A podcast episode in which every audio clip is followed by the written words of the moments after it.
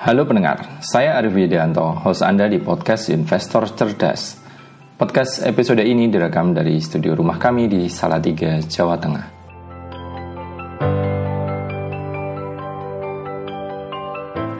Investor Cerdas adalah podcast investasi saham untuk investor pintar. Kami fokus bagaimana meraih kesuksesan investasi yang aman, berkelanjutan, khususnya mengaplikasikan paradigma investasi nilai atau value investing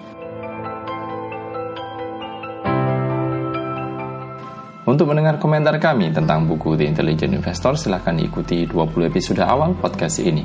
Di episode-episode terbaru, kami akan bahas isu aktual, edukasi, resensi, serta bahasan investasi lainnya bersama saya dan mungkin narasumber lain.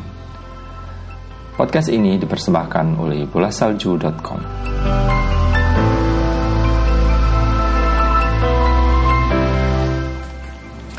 Saudara pendengar, di episode kali ini kita akan membahas resensi buku lagi. Kali ini sebuah buku yang terbit pertama kali pada tahun 2001 yang lalu berjudul Value Investing from Graham to Buffett and Beyond. Inilah buku yang kami anggap sebagai pelengkap lanjutan untuk mereka yang belajar value investing.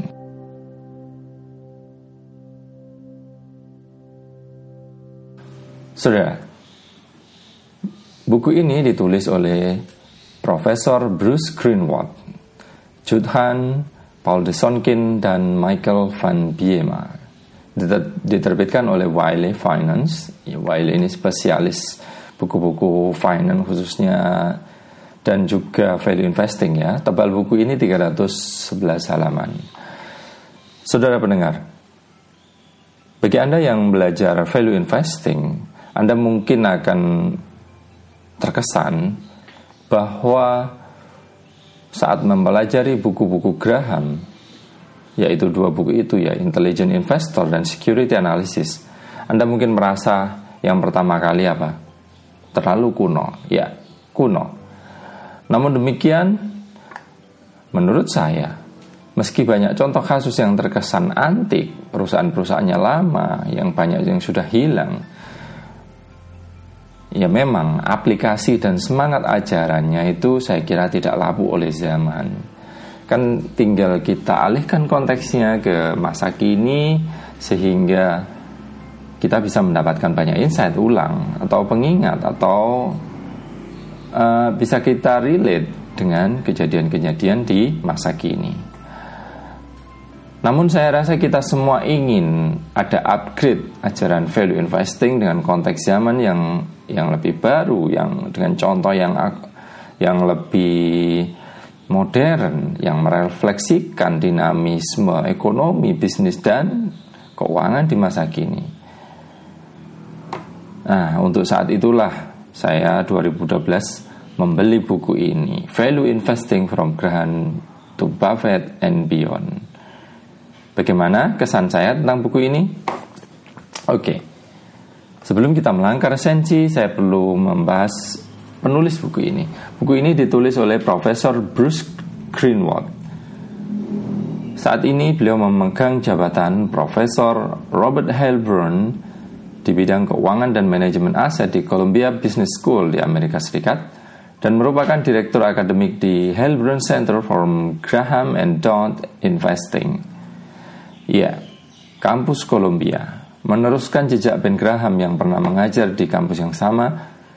Ini adalah sarang value investor dunia. Maka tak salah ya jika New York Times mengibaratkan Profesor Greenwald ini sebagai gurunya guru Wall Street. Profesor Greenwald dikenal dengan keahliannya mengajar. Sangat luar biasa dia telah menjadi penerima berbagai penghargaan termasuk prestasi reputasi lama universitas untuk keunggulan pendidikan. Kelas-kelasnya secara konsisten kelebihan permintaan dengan lebih dari 650 siswa mengambil kursus setiap tahun dalam mata pelajaran seperti investasi nilai, uh, behavior economic, uh, globalisasi pasar dan manajemen strategis media. Nah, saudara pendengar, sekarang kita coba bahas buku ini sekilas ya. Struktur buku ini disajikan dalam tiga bagian. Bagian pertama adalah sebuah pengantar tentang value investing. Bagaimana uh, teorinya dan seterusnya gitu.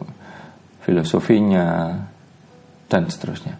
Bagian kedua, buku ini mempelajari lebih dalam bagaimana investor mengetahui sumber nilai untuk kegiatan investasinya, value investing itu.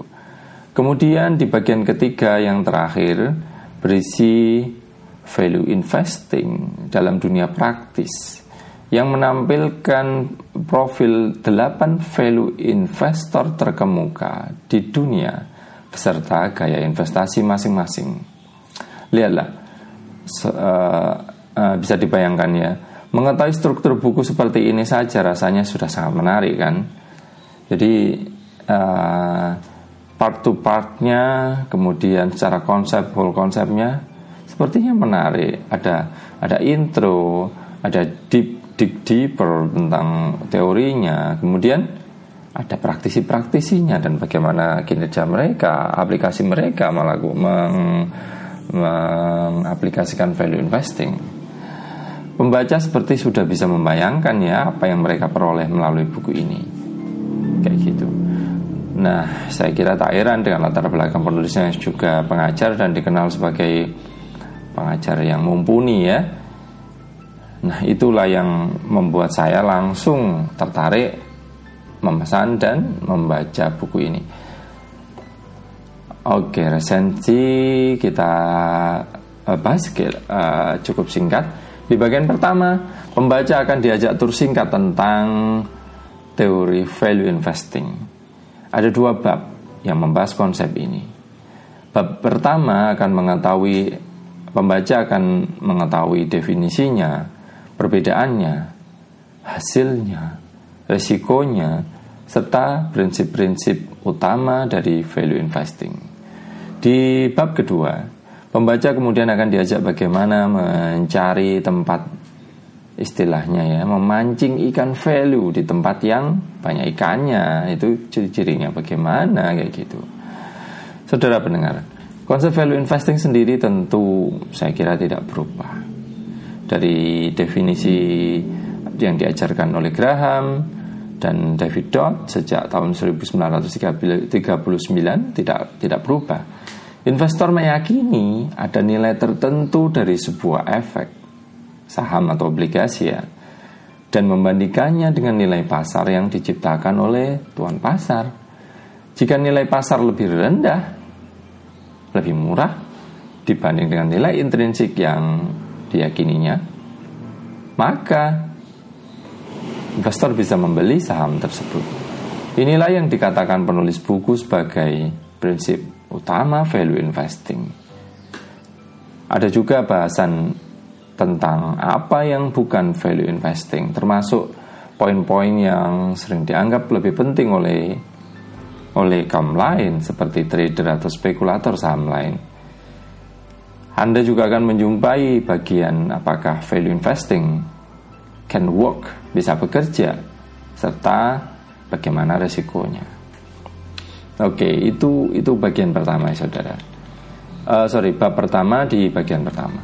Di bab kedua, pembaca akan menemukan rincian bahasan lebih detail soal value investing ini. Misalnya, bagaimana upaya industri hmm, menanalisis value industri dalam tanda kutip industri non investing ya melihat value dari sebuah perusahaan itu bagaimana ditiru diaplikasikan ke investor bagaimana apakah bisa melihat dengan cara industri pada umumnya Misalnya meneliti value dari usaha yang yang akan dilikuidasi.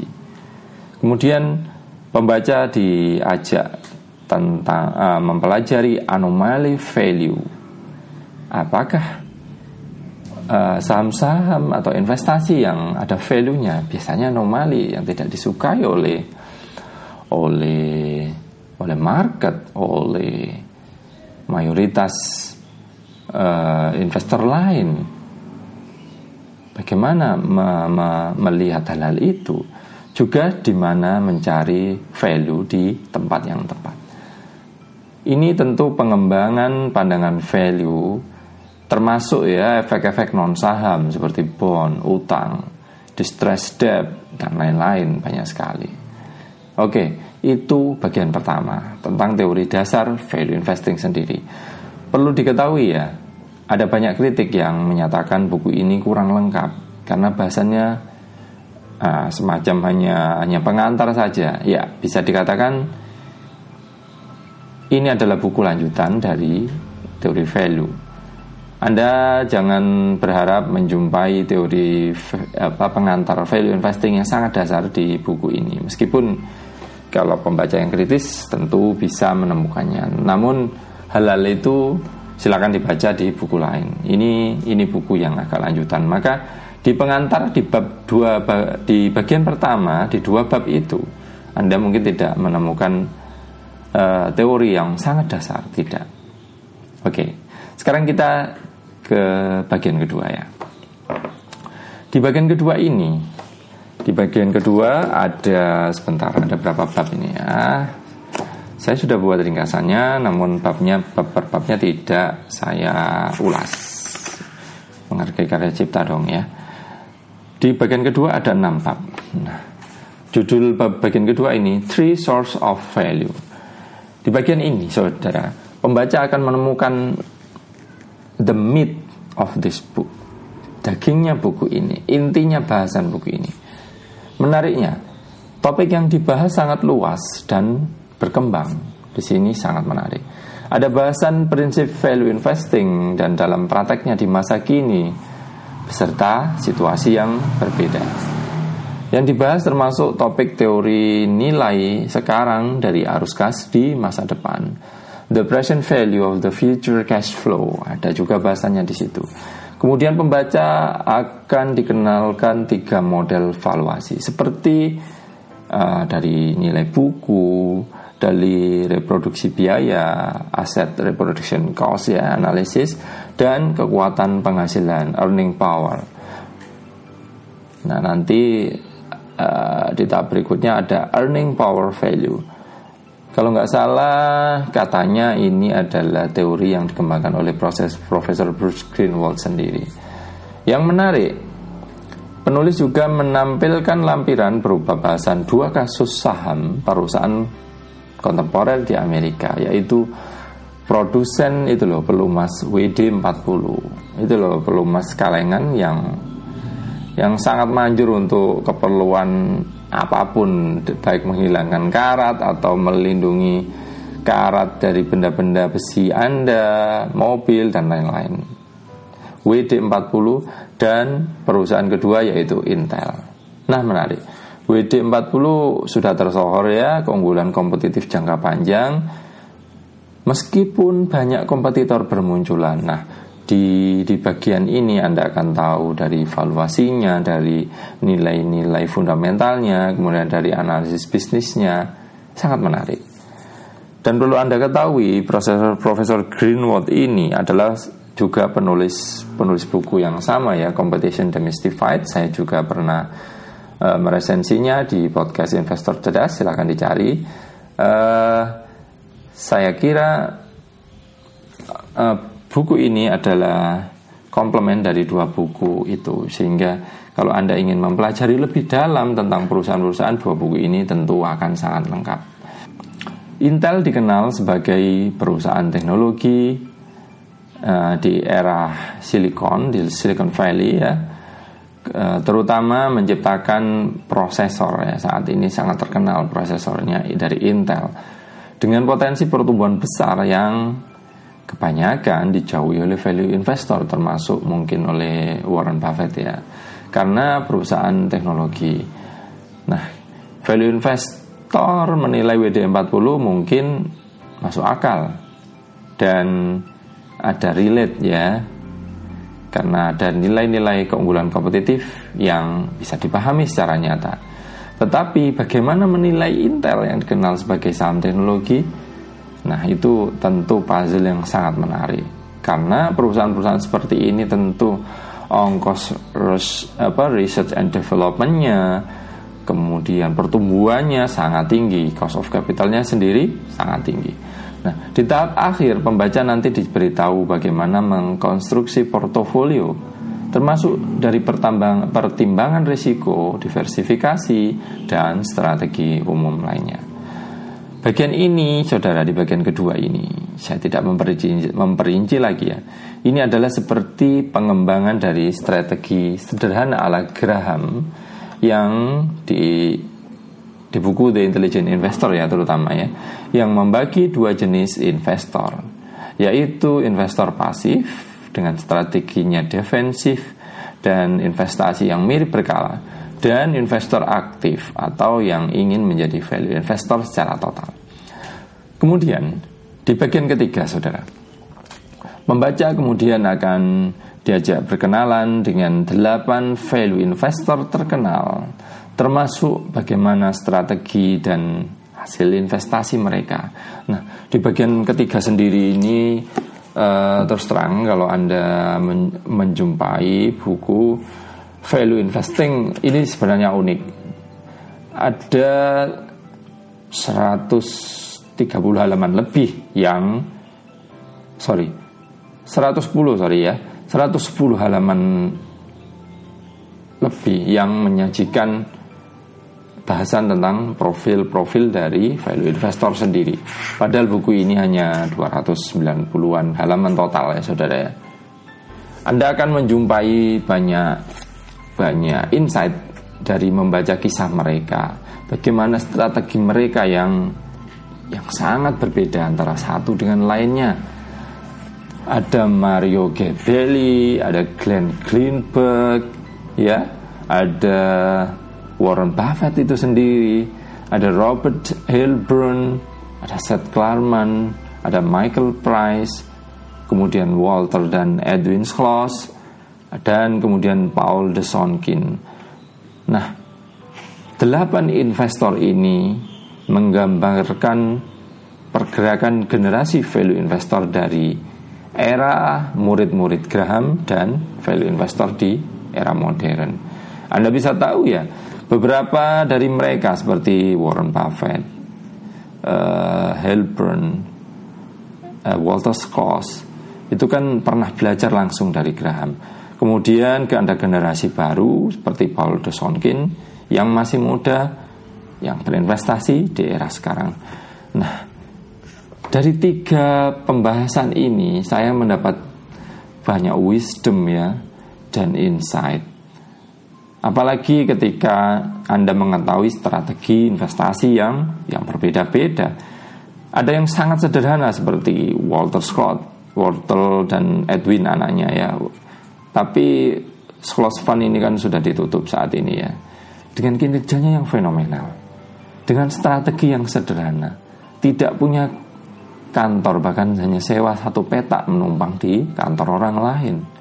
Biaya kos eh, biaya umum kantor yang sangat rendah, tapi mereka bisa mengelola dana jutaan dolar dengan hasil kinerja fenomenal, sangat menarik. Kemudian Anda bisa menemukan strategi seperti Warren Buffett yang lebih melihat kualitas perusahaan. Dan bagaimana Anda bisa melihat Warren Buffett itu sendiri? Kinerjanya multi tahun selama berapa puluh tahun Warren Buffett itu ya. Dari 65 hingga sekarang.